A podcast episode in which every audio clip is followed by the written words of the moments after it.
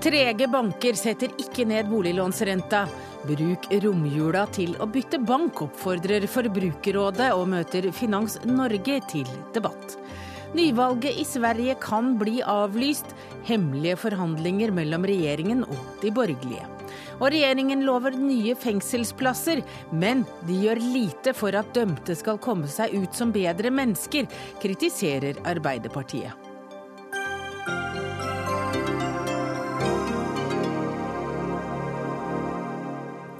Velkommen til Dagsnytt 18, som eh, også skal snakke om journalister som eh, skal begynne å sende norske nyheter fra Australia om natta. Og vi skal snakke om dialekt som gir troverdighet. Men først skal vi snakke penger. Det er elleve dager siden Norges Bank satte ned styringsrenten, men så langt er det altså bare én bank som har satt ned boliglånsrenten til kundene. Og i går oppfordret finansminister Siv Jensen de andre bankene om å følge etter. Og Jorge Jensen, du er fagdirektør i Forbrukerrådet, og du følger etter Siv Jensen og oppfordrer bankene til det samme. Ja, vi har nok samme posisjon der.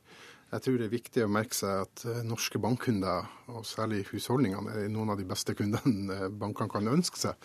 Eh, vi står for ingen tap på utlånsporteføljene deres. Det er som 0,16% Vi har vært med på et år med å delfinansiere oppbygginga i et spleiselag, da, og de kravene som stilles for, for banker for å operere etter, med god nok dekning. Og Sånn sett så har bankene veldig gode kunder. Og vi fortjener egentlig å få det også når eh, markedet går veien for kunder. Er vi litt eh, for gode? Ja, jeg lurer på om vi kanskje Vi som forbrukere må også bruke den makta som ligger i oss å være forbrukere. Vi er nødt til å ta disse initiativene overfor bankene. Vi er nødt til å sette i gang en forhandling med bankene. Og da tenker jeg kanskje det er den beste julegaven en husholdning kan gi til seg sjøl. Det er å bruke noen av disse fridagene som vi går imot nå, til å liksom sondere markedet og prøve ut nye banker. Idar Kreutzer, du er administrerende direktør i Finans Norge. Hvorfor setter ikke bankene ned lånerenten til eh, boligkunder, eh, selv om de da, renten settes ned på de pengene bankene låner? Nå ser vi at renten eh, har gått både opp og ned i løpet av de siste, siste årene. Siste perioden så har vi sett en fallende tendens på boliglånsrenten. Når det gjelder den direkte... Ikke så voldsomt mye? Nei, når det gjelder den direkte sammenhengen, så eh, er det det som bestemmer boliglånsrenten. Det er den prisen bankene betaler når de låner penger eh, inn til egen virksomhet. Og Den såkalte pengemarkedsrenten står derfor ca. 15% av de innlånene. Eh, innskudd er viktig, eh, obligasjoner med fortrinnsrett er viktig, og lånet man eh, henter inn fra utlandet er viktig. Og dette er mer langsiktige avtaler, og da tar det noe tid før endringer i renten kommer igjennom. Men Kreutzer, det pleier jo ikke å ta så veldig lang tid hvis Norges Bank setter opp styringsrenten, at også boliglånskundene får oppleve at renta heves? Jeg tror vi ser en eh, tilsvarende treghet på, på begge, begge, sider. Eh, og for forbrukerne så er det jo viktig å vite at det er stor konkurranse i det norske boliglånsmarkedet. Vi har 120 banker eh, som alle er tilgjengelig via sine nettportaler. Og både de undersøkelsene som Forbrukerrådet har gjennomført, og de undersøkelsene vi har gjennomført, viser at svært mange benytter seg av denne muligheten til å teste ut vilkårene på egne lån. Og Det er også interessant å se at de som da etter å ha gjort en sånn test, velger å ikke bytte lån. De, 72 eh, av de oppgir at de er fornøyd med den banken de har, og bruker det som begrunnelse. Så konkurransen er tøff, og forbrukerne er bevisste. Ja, Er de bevisste, bevisste nok, eh, Jensen? Ja, jeg vet ikke, Det blir nesten et munnhell det her med at det er veldig skarp konkurranse i bankmarkedet. Nå har vi et tilsyn som sitter og utreder det i disse dagene. og Vi gleder oss veldig til resultatet. Det er Konkurransetilsynet jobber med det. Men også det der med at vi har 120 eller 122 banker i Norge Norge. Det stemmer bare sånn delvis, fordi at disse bankene holder seg unna hverandres markeder. I praksis har vi ikke dette antallet banker. Eh, har, det kan vi se på en del av disse sparebankgruppene som bare opererer innenfor sitt område. Så det er ikke reelt sett så mange banker som, som, som man kan si. da. Det vi likevel venter på nå, da, det er en bevegelse på, på de, de, større bankene. Det tror jeg mange gjør. At de tjener store penger, det er det jo ingen tvil om. Vi går etter 2014, da, så ligger vi jo an til å slå det gullåret som var i fjor. Og, og bankene har økt sine sin fortjeneste voldsomt. Dette syns vi bør kunne komme kundene til gode. Det er ikke riktig det Jensen sier her. Eh, hvis Vi ser, vi har vært masse rundt og snakket med banker nå. Hvis du ser Sparebanken Sogn og Fjordane har en stor, stor kundeportefølje i, i, Oslo. Sparebanken Sør har en stor kundeportefølje på eh, det brede østlandsområdet. Og dette skyldes jo at man er tilgjengelig via sine nettportaler. Så uh, i gamle dager var det sånn. Men hvorfor kommer ikke overskuddet kundene til gode? Uh, når det gjelder over, altså det som uh, har drevet de gode resultatene i bank uh, de siste årene, det er at vi har hatt uvanlig lave tap. Vi kan ikke regne med å ha så lave tap gjennom en konjunktursykkel.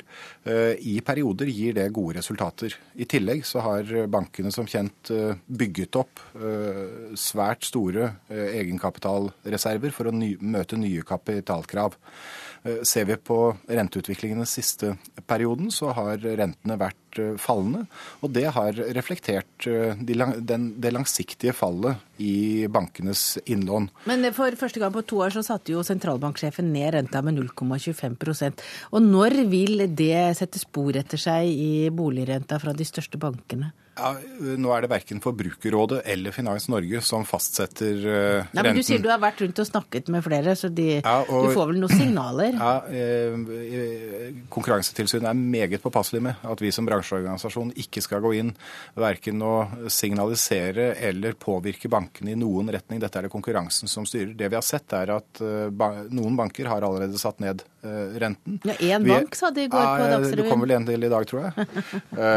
og så ser vi at renten beveger seg eh, når bankenes innlån, eh, innlånskostnader endrer seg. Der er renten Norges Bank fastsetter. Den påvirker eh, Nibor, altså pengemarkedsrenten. Pengemarkedsrenten utgjør ca. 15 av bankenes ja, innlån. Det, det, men, men, Jensen, du sier at det bruk romjula til å tenke på om du skal skifte bank. Det kan være en lønnsom julesyssel for mange familier. Hvorfor vegrer folk seg mot å gjøre det? Det er vel en kombinasjon. at man, man kanskje tror at dette ikke er, betyr så mye for økonomien. Men hvor mye kan Men, det bety? Ja, så For en normal husstand så bruker man jo gjerne 150 000-200 000 på å betjene et normalt lån i Norge. Eh, det kan være snakk om 10 000 kroner du bruker på å betjene et vanlig lån i løpet av en måned. og da, Hvis du greier å redusere det med noen få punkter, så kan du jo spare Vi har sett på Finansportalen. altså Mellom den billigste og det dyreste lånet så ligger det rundt 20 eh, 000 å spare i løpet av året. Men, Forbrukerrådets egen undersøkelse viser jo at 20 eh, har testet prisen på boliglån i løpet av de siste to årene. Vår undersøkelse viser at 40% har testet prisen på boliglån i løpet av de siste tre årene årene. Det viser at forbrukerne er bevisste. Og de som velger å ikke flytte eh, eller bytte, de oppgir at de er fornøyd med den banken eh, de har. Og vi har høy eh, kundetilfredshet i norske banker.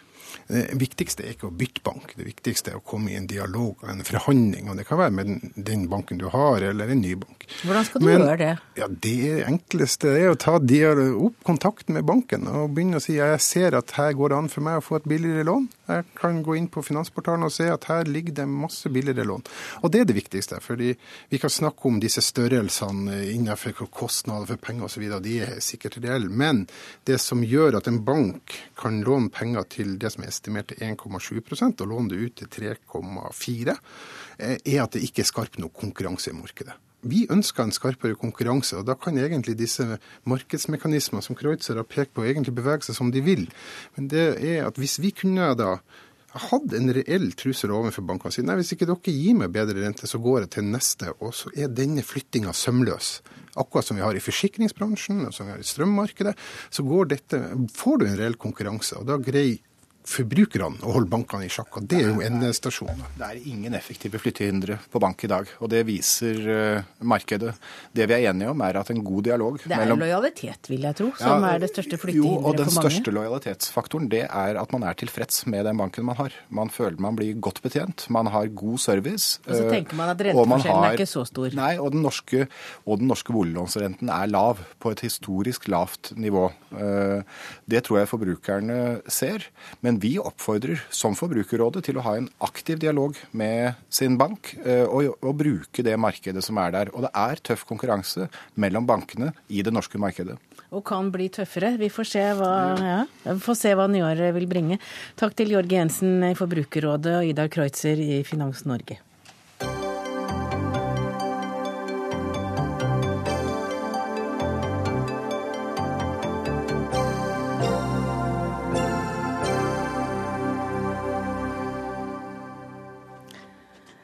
I Pakistan planlegger nå myndighetene å henrette 500 fanger. Statsminister Nawaz Sharif gjeninnførte i forrige uke dødsstraff i landet som svar på terrorangrepet mot en skole i Peshawar, der 132 skolebarn ble drept av Taliban. Og Elisabeth Eide, forfatter, kjenner av regionen og forsker ved Høgskolen i Oslo og Akershus. Myndighetene har sagt at de gjeninnfører dødsstraff som et svar på skolemassakren. Eh, vil det hjelpe noe? Det er vel tvilsomt. Eh, som en kommentator skrev det her, at eh, hva hjelper det å henrette andre som ikke egentlig har noe med denne saken å gjøre? Fordi at her er det jo snakk om at de som faktisk drepte disse skolebarna, de er jo døde selv. Og de som har planlagt dette, det er jo ikke de de nå går ut og henretter. Fordi at det er de første som har blitt henrettet, det er folk som har blitt anklaget for å ha blitt dømt for å ha angrepet hæreinstallasjoner, eller som har angrepet tidligere president Musharraf. Men eh, det er jo ikke, altså gjeninnføre, altså Dødsstraffen har jo ligget der i lovverket. Det har vært et slags moratorium som ble opphevet i fjor sommer. Og eh, den gangen da den, eh, det moratoriet, altså den stansen i dødsstraff ble innført, så var det snakk om også, det var forslag fra daværende president Musharraf om å omgjøre alle dødsstraffene til livsvarige. Det ble ikke gjort verken av ham eller den presidenten Sardari som fulgte på. Hva sier dette om rettssikkerheten i Pakistan? Ja, det er et stort spørsmål. Rettssikkerheten i Pakistan er ikke god. Og det er jo eh, humanitære og eh, frivillige organisasjoner som eh, peker på at kanskje bare 10% av de som er dømt etter landets terrorlovgivning, har befattet seg med terrorisme. Og særlig på lavere rettsnivå så er det ganske mye lemfeldig retts, rettergang også. Så jeg syns dette ser veldig, veldig, skremmende ut. fordi det er jo folk som sitter eh, som helt sikkert er uskyldige òg, som kan komme, risikere å bli henrettet nå. Jon Peder Egenes, du er generalsekretær i Amnesty International Norge. Er du overrasket over at eh, de nå gjeninnfører dødsstraff? Eller at de begynner å effektuere? Ja, altså Det er jo helt forferdelig det som skjer nå. Eh, Pakistan har sånn sett vært på riktig vei da de innførte denne midlertidige stansen i alle henrettelser. Eh, så er det jo ikke sånn at det ikke har vært terrorangrep i, i Pakistan i den perioden det har vært en midlertidig stans heller. Det har jo vært mange terrorangrep, men, men ikke kanskje av så stort omfang og så målrettet mot barn. Så får man en befolkning som helt selvfølgelig blir rasende og er i dyp sorg. Og så skal man forsøke å nærmest tilfredsstille dem ved å si at vi dreper noen hundre mennesker, som jo ikke har hatt noen befatning med akkurat denne massakren på denne skolen. Men du tror de kommer til å gjøre det? Ja, altså Hvis det internasjonale samfunnet nå mobiliserer ordentlig, og jeg oppfordrer herved norske myndigheter til å være veldig tydelige så fort som overhodet mulig, eh, så kan nok hende at pakistanske myndigheter besinner seg. FN har vært raskt ute nå, eh, og nå må andre stater gjøre det samme. Eh, så er jo Pakistan avhengig av sitt omdømme, som de fleste stater er, og da kan det hende de besinner seg. Men at vi kommer til å se flere henrettelser enn de seks vi allerede har sett, i en slags eh, ja, eh, blodtørstig hevnakt, det er jeg redd vi kommer til å se. Nå har vi ikke norske myndigheter med oss, så vi vet jo ikke helt hvordan de kommer til å reagere. Men tror du det eh, holder? Det er jeg ikke sikker på, fordi at her har jo eh, denne, denne, disse henrettelsene har jo mye med sånn indremedisinsk politikk å gjøre. Og forsøke å vise handlekraft. Og dette er jo snakk om en regjering som jo her har delegert det aller meste til hærledelsen. Det er snakk om en regjering som lenge har sett gjennom fingrene med at hæren har ført en slags sånn eh, dualistisk politikk. At de på den ene siden har støttet USA og deres allierte i Afghanistan og deres kamp mot Taliban, og på den andre siden også støttet Taliban. Så dette er jo også snakk om storpolitikk. fordi at eh, bak dette igjen ligger jo erkefienden India, har ligget veldig lenge. Et ustabilt Afghanistan, hvor India heller ikke får så stor innflytelse, vil tjene Pakistan. Så det er mye av dette som også kommer inn i Men da er det vel ikke terrorister fra Taliban som kommer til å bli henrettet heller? Nei, det kan godt hende det ikke ble. Nå skal vi huske på at det er mange forskjellige terrorgrupper i eh, Pakistan. Eh, minst ti forskjellige, og noen av dem har sånne dekkorganisasjoner som har sånne humanitære formål. Og mange av lederne i disse gruppene her går jo fritt omkring eh, både i Karachi og Lahore, altså langt borte fra disse stammeområdene hvor disse terroristene kom fra. I tillegg så har jo denne terrorgruppen som det her er snakk om, Teriki Taliban Pakistan, hatt fristed i Kunar-provinsen i Afghanistan, og har da blitt støttet av deler av eh, pakistanske politikere. Så altså her er det veldig mye spill mellom naboer, og eh, spill på eh, organisasjoner som kan destabilisere den politiske situasjonen. Men du sier at det er mye til indremedisinsk bruk. Hva syns den jevne pakistaner om dødsstraff? Det er jo veldig forskjellig, men det er klart de er jo vant til et land som har dødsstraff. De har jo hatt presidenter som har blitt hengt, ikke sant. De tenker på far til Benazir Bhutto, Sulfikali Bhutto. Han ble jo drept på den måten av en av de verste diktatorene Pakistan har hatt, Sia ul-Haq, som tok makten i 1978. Så det er jo en tradisjon her som, hvor dødsstraff står sterkt. Og vi har jo sett de underligste dommer i de siste 20 og 10 årene, hvor eh, folk som har blitt beskyldt for å ha trampet på Koranen, har blitt eh, ilagt dødsstraff, fordi de har jo en veldig, veldig streng blasfemilovgivning.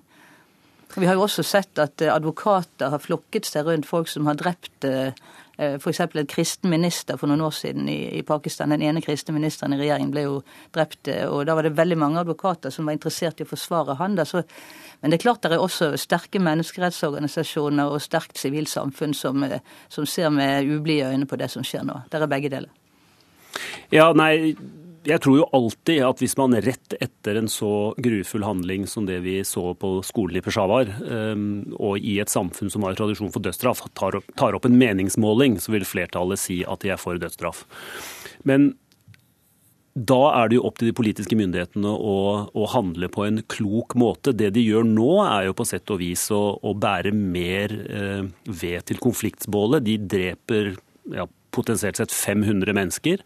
Eh, husk at eh, denne eh, terrorhandlingen på skolen ble, ble forklart av de som utførte den, med at det var en hevnaksjon fordi hæren hadde gått i angrep på dem i enkelte områder i Pakistan. Så man, man opprettholder jo bare denne vanvittige voldssirkelen ved å henrette de man nå har på dødscelle som er dømt for terrorhandlinger. Og så er det viktig, og det tror jeg mange pakistanere vet òg, og det er det som Eide sier, at rettssikkerheten i Pakistan er så dårlig at det er god grunn til å anta at mange av de 500 ikke har gjort det de er beskyldt for. Og Det skaper jo også en ny, skal vi si, kan skape en ny storm av bitterhet hos de som vet det. Så, så dødsstraff er i utgangspunktet et veldig, veldig dårlig virkemiddel i kriminalitetsbekjempelse, og jeg tror det er et spesielt dårlig virkemiddel i bekjempelse av terror. Men hva er alternativet? Alternativene er jo selvfølgelig å forsøke å gå til roten av det som skaper terror i Pakistan. Eh, det ene har vi allerede hørt en del om, nemlig at det er nære forbindelser mellom sikkerhetsapparatet og terrorgruppene, slik at de som ligger på toppen av disse gruppene, stort sett kan regne med å gå fri, fordi de har et godt forhold til sikkerhetspolitiet. Det kan være å, å se nøyere på alle disse skolene eller madrasaene rundt omkring i Pakistan, som nærmest er fabrikker for å utdanne terrorister. Hva gjør myndighetene med dem? De lar dem bare gå.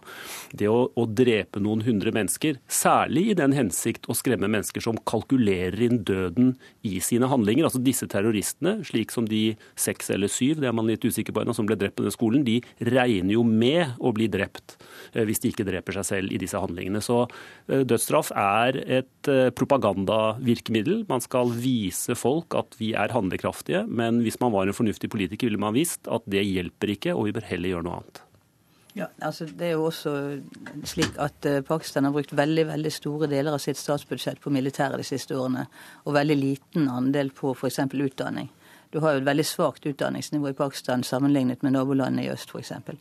Så det er jo en annen side ved dette her. Og det er helt klart at å gi det sivile samfunnet større muligheter til å jobbe åpent også, det har jo vært en del debatt rundt eh, lovgivningen som eh, fungerer slik at har du en nabo som er fine, så kan du si at vedkommende har krenket islam eller et eller annet sånt, og så blir den umiddelbart tauet inn, og så får du en straff i lavere rett som kanskje blir eh, opphevet i høyere rett. Men altså, mitt håp ligger jo også i at vi så jo for en del år siden at advokatstanden i Pakistan gikk ut og forsvarte uh, uavhengige, uavhengige juridiske instanser. Og det var jo et slags motsatt eksempel, hvor de fungerte som en demokratisk makt. Da. Så det er jo mange slike organisasjoner og instanser som vil et annet Pakistan, og som gråter blod når de ser det som har skjedd nå. Og de kommer til å fortsette å gråte blod hvis ikke dette som nå skjer med dødsstraffene som eksekveres, blir. Hvis ikke det blir stoppet. Takk til deg, Elisabeth Eide, og takk til Jon Peder Egnes.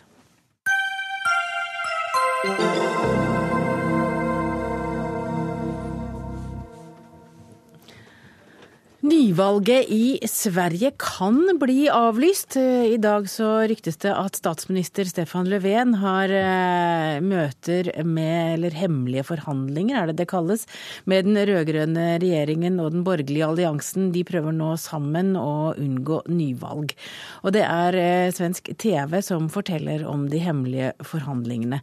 Som vi husker, så fikk altså ikke statsminister Stefan Löfven eh, flertall for høstens statsbudsjett. Og det var da altså meningen at det skulle bli nyvalg, eh, og det skulle avgjøres senest den 31. desember. Tommy Møller, statsviter ved Stockholms universitet. Eh, hva er det som skjer hos dere? Ja, det er ikke så mange som vet det. Det er veldig hemmelig med de her forhandlingene eller samtalen eller hva det nå er. Og hva de prater om og hva det syftar till vet vi faktiskt inte. Men de flesta tror väl att det är ett sista desperat försök att eh, få till stånd en uppgörelse över blockgränsen så att man kan eh, eh, eh inhibera eh, det planerade nyvalet och att inte eh, det ska äga rum. Hvilke problemer er det med å styre Sverige med en mindre minoritetsregjering, slik reglene er i dag? Det har ikke vært så store problem eh, om vi ser det historisk. Vi er jo veldig vana ved den situasjonen. Det som har trasslat til det, er jo at Sverigedemokraterna har kommet inn i riksdagen og dermed fått en viktig roll også, i og med at man har vokst snabbt. Eh, vi har altså anpasset våre regelverk og vår forfatning så at det skal være lett å bilde en minoritetsregering og at det skal være lett å styre for en minoritetsregering.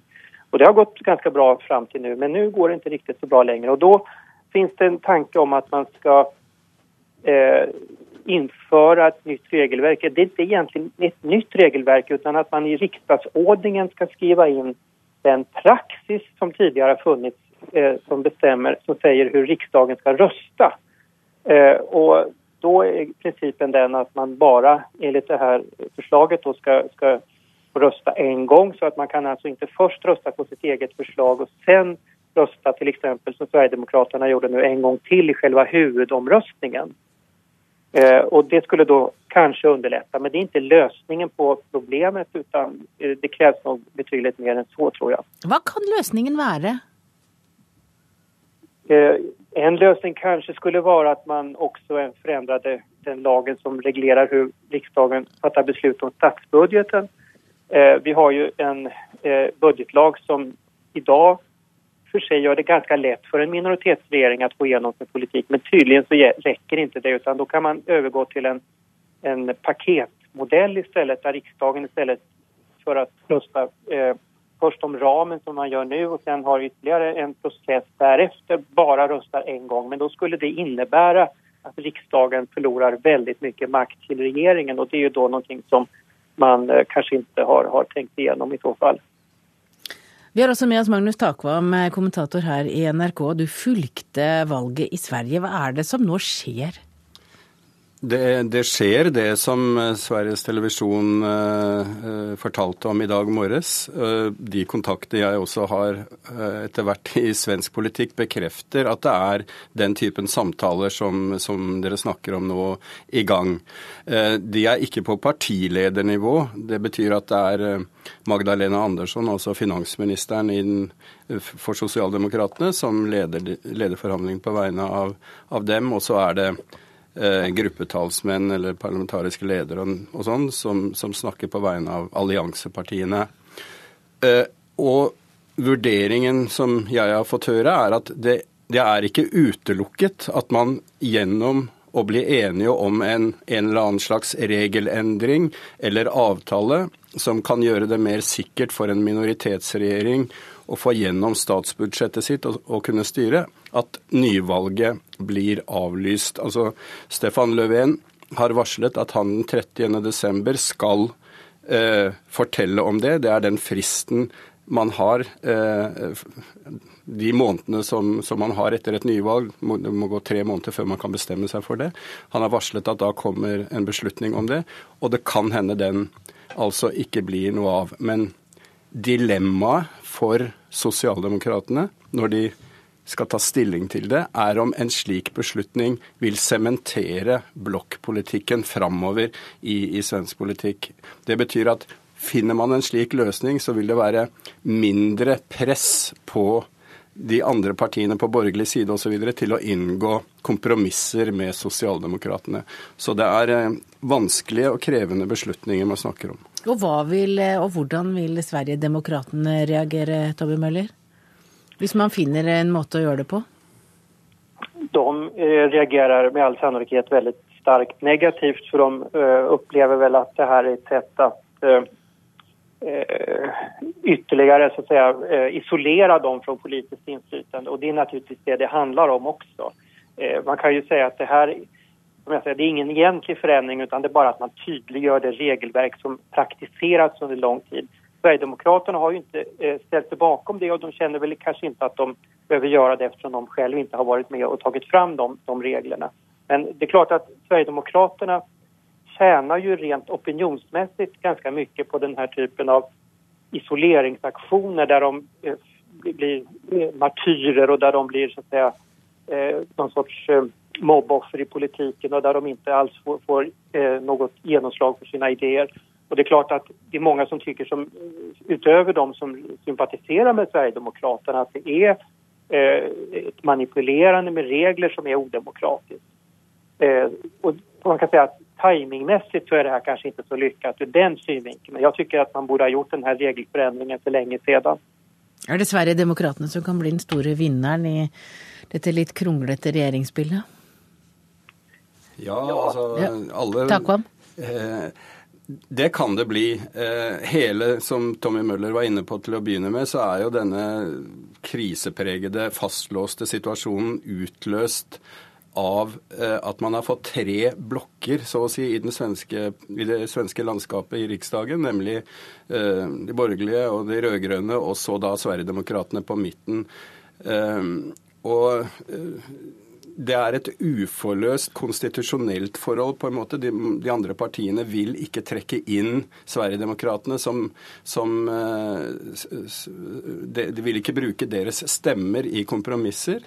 Og de vil heller ikke touche, røre deres politikk, deres politikkområde i særlig grad. Så, så dette er et uttrykk for uh, at det er Sverigedemokraternes relativt sterke vekst som, som ligger under denne krisen. Så får vi se hva som skjer. Iallfall så sies eh, det at eh, det akkurat nå pågår eh, hemmelige, veldig hemmelige forhandlinger, så hemmelige at det nesten ikke lekker ut noen ting mellom den rød-grønne regjeringen og den borgerlige alliansen for å prøve å unngå nyvalg til våren. Takk til Magnus Takvam og Tommy Møller, statsviter ved Stockholms universitet.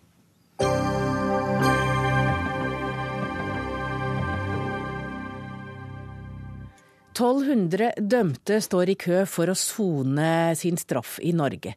I en fersk stortingsmelding om kriminalomsorgen lover regjeringen å gjøre noe med soningskøen. Det skal bygges nye fengsler og nye plasser i de fengslene vi allerede har. Og i tillegg skal dømte sendes til Nederland for å sone der.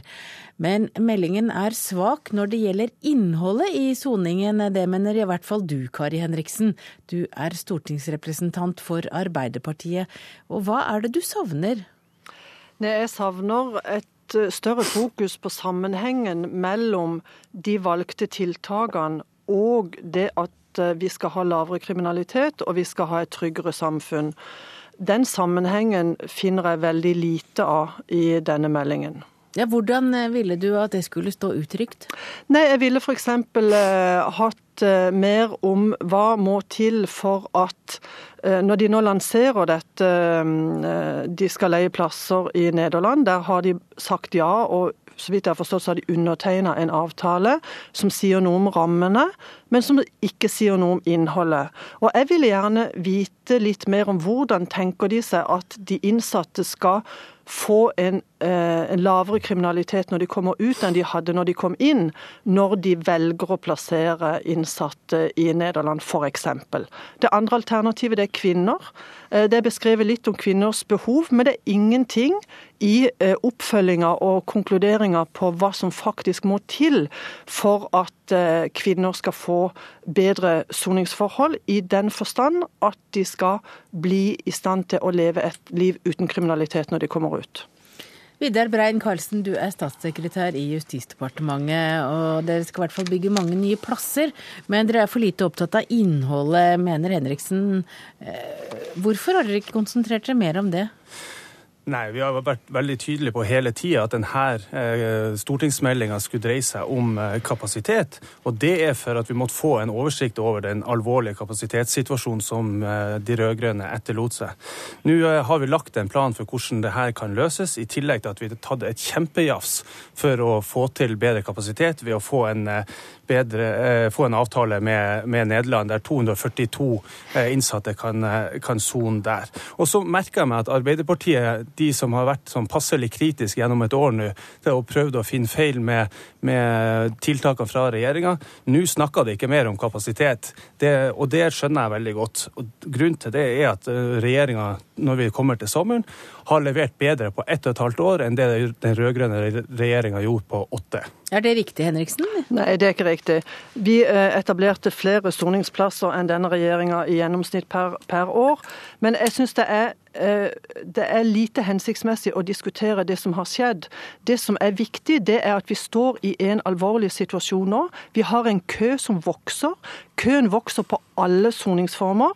Og vi må nå se på hva er det vi kan gjøre for å løse denne dramatiske situasjonen. Og da har vi foreslått å bygge fengsler. Det foreslo vi i, to, i vår, og det stemte regjeringsflertallet ned. Denne meldinga tar opp igjen vårt forslag om å bygge fengsler, og det syns jeg er bra. Det er flott. For det er de permanente løsninger vi trenger, og det er de løsningene som er varige for dømte i Norge. Derfor så syns jeg den delen av meldinga er bra. Men det som er en utfordring, det er at de ikke har noen visjoner. Og de skriver veldig lite om hvordan de skal gjøre samfunnet vårt tryggere. Og hvordan de skal få ned kriminaliteten hos de som faktisk har begått kriminalitet tidligere. Og dette savner vi da i denne meldinga. Men jeg kan godt forklare Kari Henriksen hvordan man, skal, hvordan man skal gjøre samfunnet tryggere. Blant annet så er det ved at kriminelle skal sitte i fengsel og ikke stå i en soningskø, sånn som eh, Arbeiderpartiet har tatt veldig lett på. Og vi har veldig stort fokus på innhold i soning behandlinga. Og vi bruker veldig mye energi, sammen med Helsedepartementet f.eks., for, for å komme til livs de store utfordringene vi har med psykiatri og rus eh, i eh, fengslene. Det er også noe som har mangla etter eh, forrige regjering. I tillegg så har vi jo Arbeiderpartiet snakka en del om sånne tilbakeføringskoordinatorer, altså et samarbeid med Nav for å få på plass de brikkene som skal til ved ei god tilbakeføring. Det kom ingenting på plass under den forrige regjeringa der heller. Nå kommer det på plass. Men jeg lurer på om, om eh, men Vi gidder ikke å diskutere det som skjedde i fjor, men vi etablerte altså Nav i fengsel. og Det er vi som har sørga for at innholdet i fengslene kom på plass etter stortingsmeldinga fra Knut Storberget for noen år siden. Så, Men det kom ikke på plass eh, før, eh, før i, i, år, det? Det kom på plass. Det var ja. forsøksordninger på dette. Ja, forsøksordninger kom på plass, men det kom altså ikke på plass i de andre plassene. Men kjære Vidar Brein Karlsen, la oss nå ikke diskutere hva som kom på plass. Det kom på plass under oss, og vi hadde en opptrappingsplan. Nå har dere hatt to budsjetter for å få på plass mer innhold. Det var ikke én krone mer til økning av rehabiliteringene i fengsel i årets budsjett. Det var en økning for å ivareta den dubleringa, som heller ikke fremmer lavere kriminalitet og større trygghet for samfunnet. Ja, Det betyr at fanger skal bo flere på én celle? Det betyr at to fanger bor på samme celle. og Det er altså syv mellom syv og ti kvadratmeter vi snakker om. Og dette, Nå foreslår de i denne meldinga at det skal være for de på høyest sikkerhetsnivå, som nå altså skal dele eh, celle. Og Det er altså de innsatte som har begått den mest alvorlige kriminaliteten, og som kan være vanskeligst å rehabilitere. Og Når en velger å sette de to i samme celle, så betyr det at en øker utryggheten for samfunnet, fordi det er større sjanse for at de ikke blir rehabilitert når de kommer tilbake. Det øker utryggheten for de ansatte, fordi det er større sjanse for at det vil kunne skje ting i eh, fengselet når de har to på samme celle. Og det er større usikkerhet og utrygghet for de innsatte, fordi de kan risikere å bli ofre for den andre som sitter inne. Jeg må minne Kari Henriksen på at det var omfattende dublering mens Arbeiderpartiet satt i regjering. Og så hører jeg også at uh, Kari Henriksen sier at det er mindre interessant å snakke om hva som faktisk skjedde da de satt i regjering. Men la meg i hvert fall minne deg på da, at, uh, at vi, det vi fikk til i 2014 på Ila, det er en sak som er godt kjent nå, både gjennom NRK og TV 2.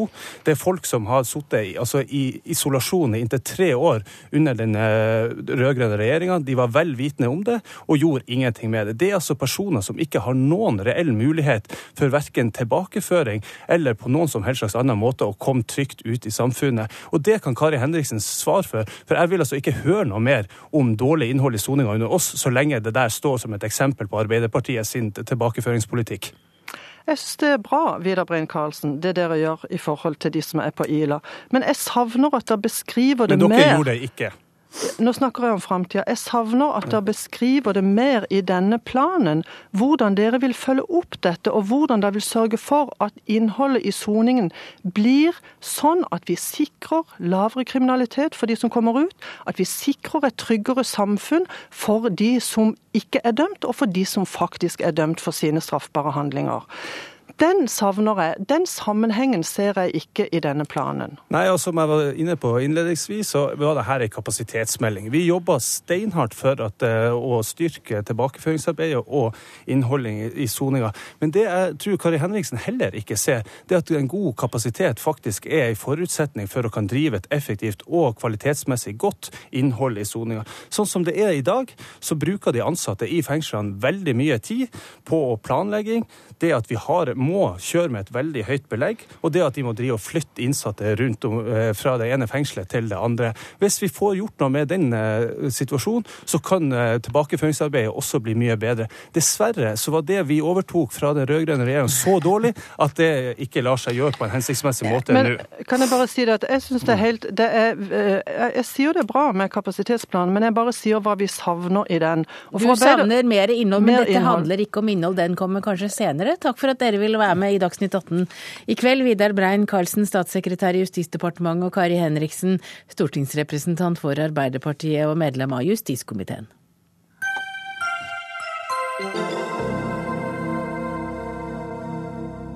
Med skjult kamera og egne etterforskere har forsikringsselskap overvåket kunder de mistenker vil lure til seg store forsikringsutbetalinger.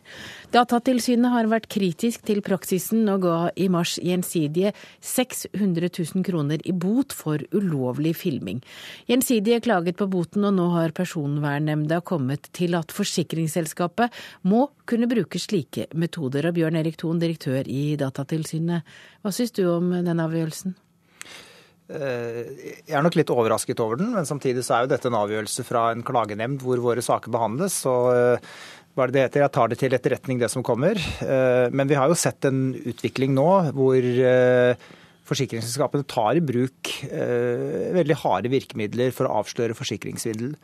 I den saken som konkret har vært behandlet nå, så har det jo vært snakk om videofilming, det har vært snakk om spaning, og det har også vært snakk om hjemmebesøk eh, hos den personen som det har vært utsatt for, eller mistenkt for, for forsikringssvindel.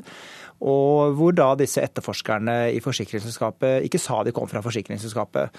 Og det siste er jo et eh, virkemiddel som eh, selv ikke politiet kan bruke, bortsett fra i de helt, helt unntakstilfeller. Og det vi ønsket når vi tok opp denne saken, eh, det var jo å få testet ut yttergrensene for hva et forsikringsselskap kan gjøre. Ja, Nå har du jo sett hvor yttergrensa går, og den går vel ikke akkurat der du mener den burde gå nå? Nei, Vi har nok dessverre ikke fått etterforsket og utforsket hvor yttergrensen går for, eh, i, denne saken. Fordi det vi hadde håpet på var jo at Personvernnemnda nå ville benyttet muligheten til å trekke opp noen klare kriterier for når man kunne bruke disse, disse veldig harde virkemidlene. Men dessverre, det har ikke nemnda gjort. Eh, de har truffet en avgjørelse som egentlig er veldig lite prinsipiell. I en sak som jeg mener er veldig prinsipiell. Så Sånn sett så hadde vi håpet oss selvfølgelig et annet utfall, men nå er nå saken avgjort. Men vi hadde i hvert fall ønsket oss en avgjørelse som gjorde at vi kunne fått klarere retningslinjer for fremtiden, og ikke minst at forsikringsselskapene kunne fått klare retningslinjer for fremtiden om når de kunne bruke disse, hardt, disse inngripende tiltakene mot folk. Vi skulle gjerne hatt Gjensidige med oss i kveld, men de hadde ikke anledning til å komme. De henviste til deg, Jan Erik Faane. Du er direktør for kommunikasjon og samfunn i Finans Norge. Og det er dere som organiserer forsikringsselskapene. Du syns at denne avgjørelsen er riktig og viktig. Hvorfor det? Jo, altså dette eh, Forsikringssvindel er et stort, uh, alvorlig samfunnsproblem. Det svindles for uh, flere hundre millioner kroner hvert eneste år. Og det er, har et stort omfang, tusenvis av saker. Og I enkelte saker så dreier det altså om, uh, om store summer, bare i hver enkelt sak. Og når ikke andre undersøkelser kan, kan finne frem til om dette er svindel, så mener vi det er positivt at man kan få anledning til å benytte disse metodene. Det, er, eh, det, benyttes ikke ofte, men det er når man har sterk mistanke om eh, at det er store beløp som, som svindles. Og erfaringen viser også at, eh, at, der man har brukt disse metodene, så har man også avdekket faktisk, faktisk forsikringssvindel for mange millioner kroner. Så så dette er ikke noe som forsikringsselskapene bruker i tide og utide. Man bruker det når man ikke har andre metoder, og når man har sterk eh, mistanke og det har vist seg å, å fungere. Eh, så vi er glad for eh, avgjørelsen i nemnda, som nå fastslår at vi kan få lov til å benytte dette som et virkemiddel i særskilte saker som er alvorlige og grove. Ja, det jeg spesielt skulle ønske vi hadde sett i denne saken, det var at man gikk nærmere inn på disse kriteriene, altså når man kunne bruke dem. Eh, og det forsikringsselskapene her gjør, det er jo eh, mye av det samme som politiet gjør. ikke sant? Eh, de driver med spaning, de driver med filming, de driver med hjemmebesøk. Når det gjelder politiet, og når de kan gjøre dette, her sånn, så er det ganske strengt regulert. Det er regulert i straffeprosessloven, i rundskriv fra Riksadvokaten og i en god del annet regelverk. Eh, og ikke minst så er det gjennom opplæring av politifolk som har gått politiskolen, så sitter dette her sånn liksom veldig godt i de som jobber som politimenn og som politikvinner. Eh, men når det gjelder, bare la meg få lov til å bli ferdig. Når, når det gjelder forsikringsselskapenes virksomhet, så er jo det veldig lite regulert. Eh, det er stort sett personopplysningsloven og noe annet regelverk, men hovedsakelig personopplysningsloven som regulerer det. Og det er der vi mener at denne nemndsavgjørelsen burde vært mye mer prinsipiell. Den burde f.eks. gått inn på når skal man få lov til å filme. Hvor lenge kan man få lov til å filme? Eh, kan man få lov til å filme i det offentlige rom? Kan man filme gjennom et vindu? I private selskaper, på vei ut og inn av kino, mens man går tur i skogen, mens man prøver å ta seg en joggetur, eller hva det måtte være. Så det er den type kriterier som vi hadde ønsket at nemnda nå hadde benyttet anledningen til. Vi ville gjerne hatt med Personvernnemnda òg, men de heller hadde ikke anledning. Vær så god, Fane. Ja, jeg tror vel Ton ser bort ifra at uh, forsikringsselskapene her selvfølgelig ikke tar i bruk sånne typer metoder hvis det er snakk om småpenger eller man er usikker på om dette er forsikringssvindel eller ikke. Men hvem er det som gjør arbeidet for eh, forsikringsselskapene? Er det pensjonerte politimenn? Man, man, har, eh, man, har, både egne ansatte man, og man engasjerer, engasjerer andre som er profesjonelle i dette faget. Og vi har egne bransjestandarder som setter strenge krav til selskapene. Dette skal avgjøre, Før man tar i bruk dette, her, så skal dette opp i ledelsen i, i, selskapet. Og det er ganske strenge regler rundt hvordan dette skal håndteres. Så de, de retningslinjer som Thon etterlyser, eh, de er allerede på, på, på plass. Og, og, blir håndtert på en uh, grundig og, og, god måte. Så jeg tror ikke vi skal være bekymret for det. Jeg syns også sammenlignet med politiet blir noe, noe merkelig. altså Eh, hva slags etterforskningsmetoder politiet har, det er jo en, en sak som eh, for, for politiet. Eh, og det har jo ikke noe relevans for, eh, for hva slags eh, metoder som forsikringsselskapene skal kunne Det, det er klart det har det, fordi, det det har det, fordi det, dette handler om bl.a. hvordan privatlivet til enkeltmennesker skal krenkes eller ikke krenkes. Og det handler om rettssikkerheten til de det gjelder. Og Da er det viktig at det er et skikkelig og godt regelverk rundt dette. Og Du vet jo like godt som meg, du vet jo like godt som meg at det er strenge regler rundt hva politiet kan gjøre, f.eks. å møte opp på døra til noen, banke på og utgi seg for ikke å være være politimenn. Og det er, det, og det er, der, og det er der jeg savner den prinsipielle avveiningene. Jeg hørte eh, leder av Personvernnemnda, Olav Torvund, eh, som ble intervjuet i samme sak på Dagsnytt som jeg var med på tidligere i dag. Han sa at det er fortsatt ikke fritt fram for, eh, person, unnskyld, for forsikringsselskapene til å drive overvåkning av folk. Man skal alltid gjøre en balansert vurdering. Det er vi helt enig i. Og vi har altså sagt tidligere at det er ikke sånn at man aldri skal få lov til å bruke dette. Men det må være klare regler for når man skal kunne gjøre det. Og det er der vi syns at det er så synd at ikke Personvernnemnda grep muligheten nå som de hadde den, og faktisk trakk opp disse kriteriene og sa at i disse tilfellene, disse tilfellene, disse tilfellene kan man ikke gjøre det. De og de og de, så kan man gjøre det. Og også la et grunnlag for hvor alvorlig svik det skal være for at man skal få lov til å gå inn i dette. Og det syns jeg er et savn med den avgjørelsen. Fåne, hvordan vet dere hvilke saker dere kan gå inn i? Det er en vurdering hvilke saker som, eh, hvor man ikke har andre virkemidler. som man kan, kan bruke. Dette er siste utvei. Har du eksempler på slike har, saker? Hvor, nei, altså Jeg kan ikke nevne noen enkeltsaker nå, men vi kan altså ikke uh, vi, vi, går ikke inn i saker hvis ikke det er sterk mistanke om at dette er forsikringssvindel. Og det viser seg at de, de ca. 20 sakene i, i forrige fjor som ble etter, etterforsket på denne måten, der avdekket samtlige at dette var forsikringssvindel. Eh, og det som, er, eh, det som har skjedd nå, mens vi har ventet på denne avgjørelsen fra Personvernnemnda, er at forsikringsselskapene har vært eh, forsiktige med å bruke, bruke denne, denne, metoden. Og det har altså medført at det er forsikringssvindlere som har kommet unna med, million, med millionbeløp i forsikringssvindel og sendt den regningen til de andre lovlydige, ærlige forsikringsselskapene og da fikk du siste ord i den debatten. Takk til deg, Jan Erik Faane, direktør for kommunikasjon og samfunn i Finans Norge. Og takk også til Bjørn Erik Thon, som er direktør i Datatilsynet.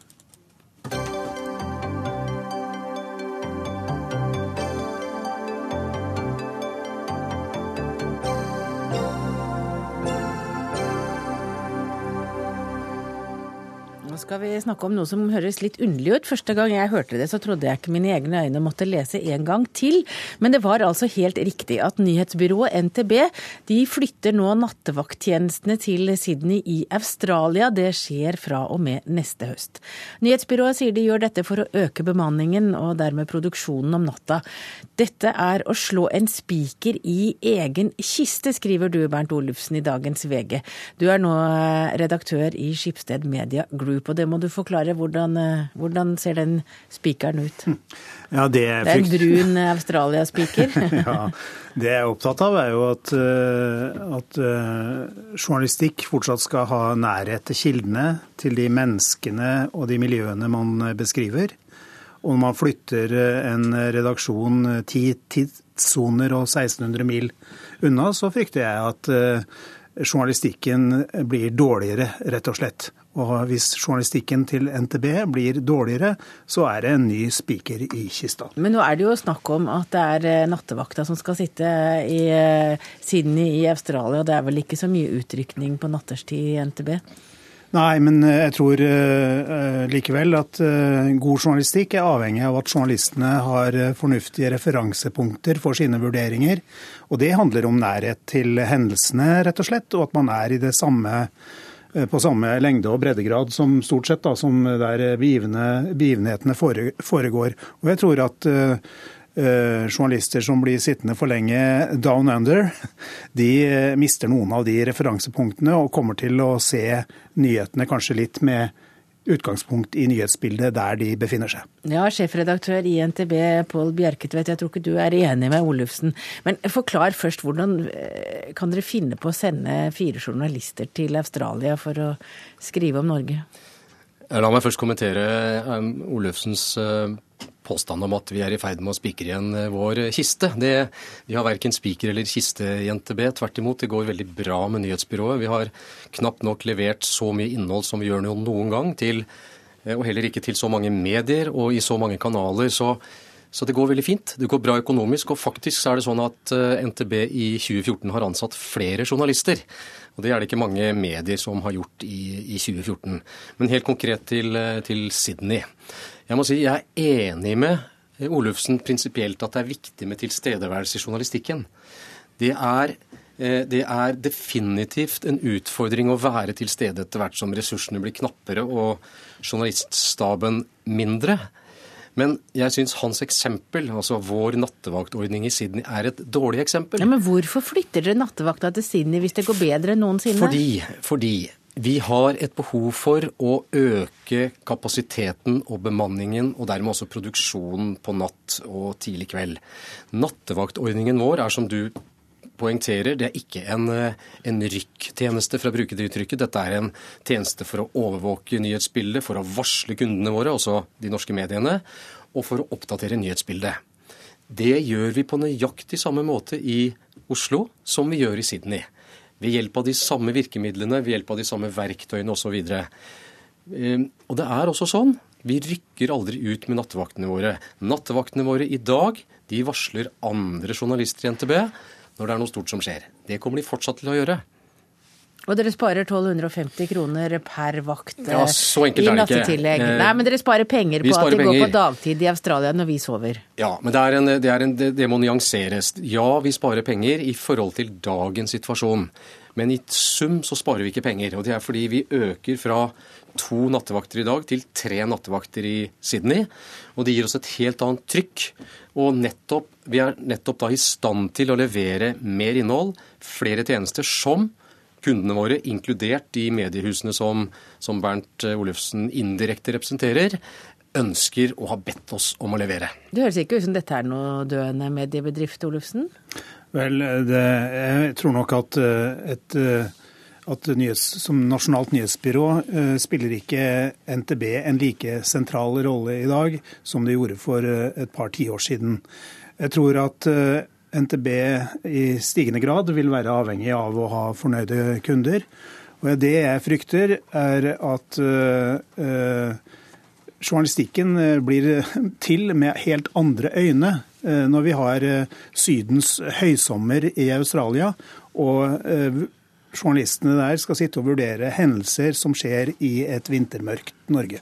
Ja, helt konkret, altså Mye av det du gjør på kvelds- og natterstid, du ringer politiet, du, du følger med på hva som skjer, du sjekker eh, Andre medier, nyhetsbyråene osv. Ja. Ja, og dette her skal du da sitte og gjøre på høylys dag, eh, og skrive artikler hjem til norske aviser som da vi skal våkne til eh, dagen etter. Ja, jeg registrerer at Olufsen eh, nær sagt gjør litt eh, Syns det er litt komisk, nær sagt. At Det er jo litt eh, underlig, du må være enig i det. i Australia mens det er slapseføre og, og kolonnekjøring på Saltfjellet som er eksempelet du har brukt i VG i dag. Men det den eneste forskjellen, sånn som vi ser det, er at du det ser litt annerledes utenfor vinduet der du sitter. Ja, det er lys og sol kanskje i Australia, men det kan det faktisk være i Oslo også. Når det er eh, snø og slapseføre på Saltfjellet. Men hvis du lever i Australia, så får du jo ikke så nært forhold til nyhetsbildet i Norge. Jeg skal være enig i én ting. At det er en utfordring, og det krever en tilvenning å sitte et annet sted og oppdatere seg på, på et nyhetsbilde som er i ferd med å renne ut dagen i Norge, og samtidig starter i Sydney. Men dette er en tilvenning, og vi vet av erfaring fra våre kolleger i de andre nyhetsbyråene i Europa som allerede er der med tilsvarende ordninger, dette går veldig fint. Samtlige melder om bedre, raskere, mer profesjonelle nattevakttjenester enn tidligere. Som gammel VG-redaktør så er jo det sånn som du liker å høre, Olufsen. Nei, som redaktør hadde jeg ikke vært villig til å betale penger for en slik tjeneste. Det må jeg ærlig talt si. Jeg mener at eh, dette klart kommer til å forringe kvaliteten på det stoffet som vil bli levert i det lange løp. Men jeg prøver også å se dette i en litt større sammenheng. da. Fordi det er tydelig nå at eh, for de fleste norske mediehusene så er det vanskeligere å holde en høy grad av tilstedeværelse på begivenhetene. Det er altfor mange journalister som sitter lenket til PC-en i hangarlignende miljøer og ikke treffer de menneskene og miljøene som de er avhengig av å skrive om. Og dette ser vi også i utenriksjournalistikken, dessverre. Det er færre ressurser til å rykke ut og rapportere fra bakken der begivenhetene skjer. Det overlates nå i større grad til frilansere og til aktivister. Og det er vel et hjertesukk du òg kan være med på, Definitivt. Det Bjerketvedt? er, det er helt opplagt en utfordring. Takk til Bernt Olufsen og Pål Bjerketvedt.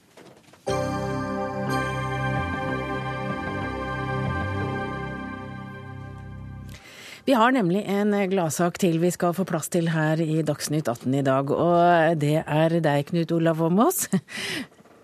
Du er eh, direktør i Fritt Ord og eh, kommentator, og du har da skrevet eh, at du har nå hørt et reklameinnslag, og der hørte du en dame som snakket dialekt fra Sogn.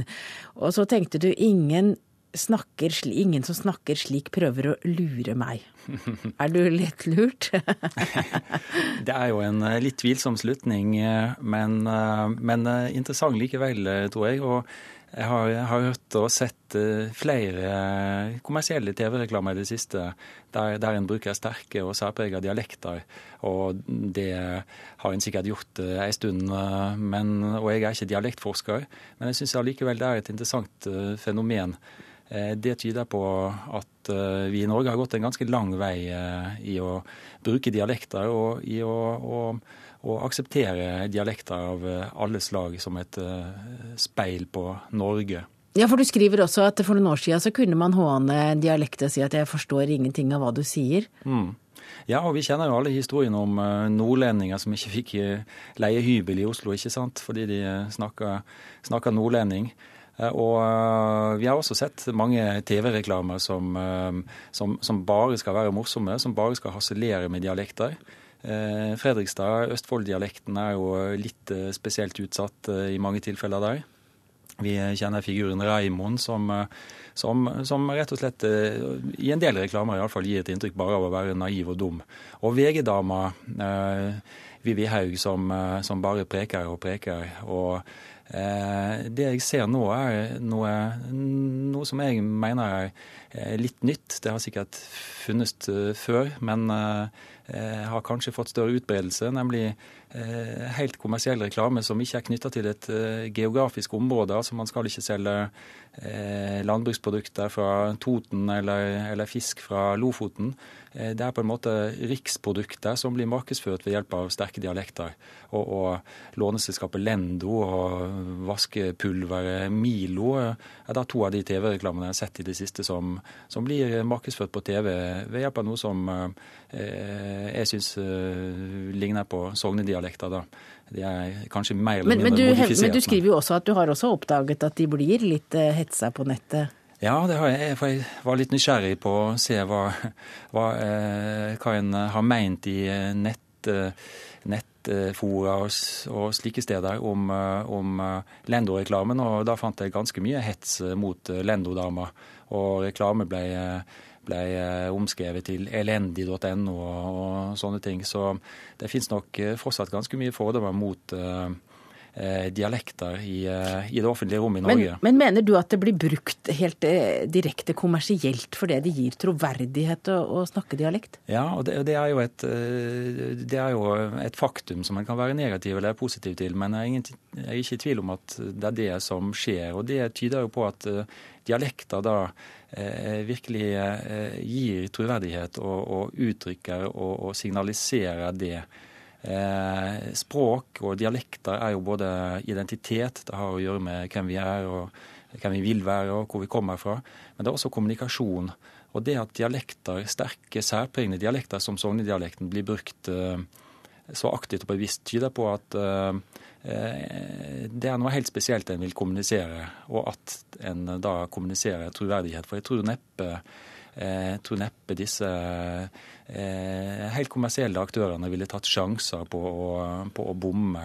Og vi ser at sørlandsdialekten, som av mange blir sett på som troverdig, og ikke bare når man, når man annonserer for Tine ost og blir bedt om å vente til fredagen, men uh, sørlandsdialektene blir brukt uh, til å reklamere for uh, en del av mylderet av, av teleselskaper, mobilabonnementsselskaper. Og det er jo et knalltøft marked. Så du er litt sånn optimist på dialektenes vegne? Det sier iallfall noe om at vi har gått en lang vei i Norge når vi bruker dialekter på den måten. Og det er jo en instrumentell bruk, da. Den skal selge noe. Eh, men eh, i bunn og grunn så sier den noe om at nordmenn er veldig veldig interessert i og bevisst på eh, temaet språk, og også dialekter. Av alle ulike slag. Og at det kanskje blir lettere for unge mennesker som bruker dialekt, å ta vare på dialekta si? Ja. Selv om folk av og til sier 'hæ' når de ikke forstår Sogne-dialekt på andre siden av fjellet? Ja, det er iallfall like bra å si 'hæ' som eh, på Oslo vest å si 'hvilket'. Takk til deg, Knut Olav Åmås. Denne sendinga er slutt fra Dagsnytt 18. Ansvarlig var Berit Ytterhus. Det tekniske hadde Finn Lie ansvaret for. Jeg heter Hege Holm, og vi er tilbake i morgen.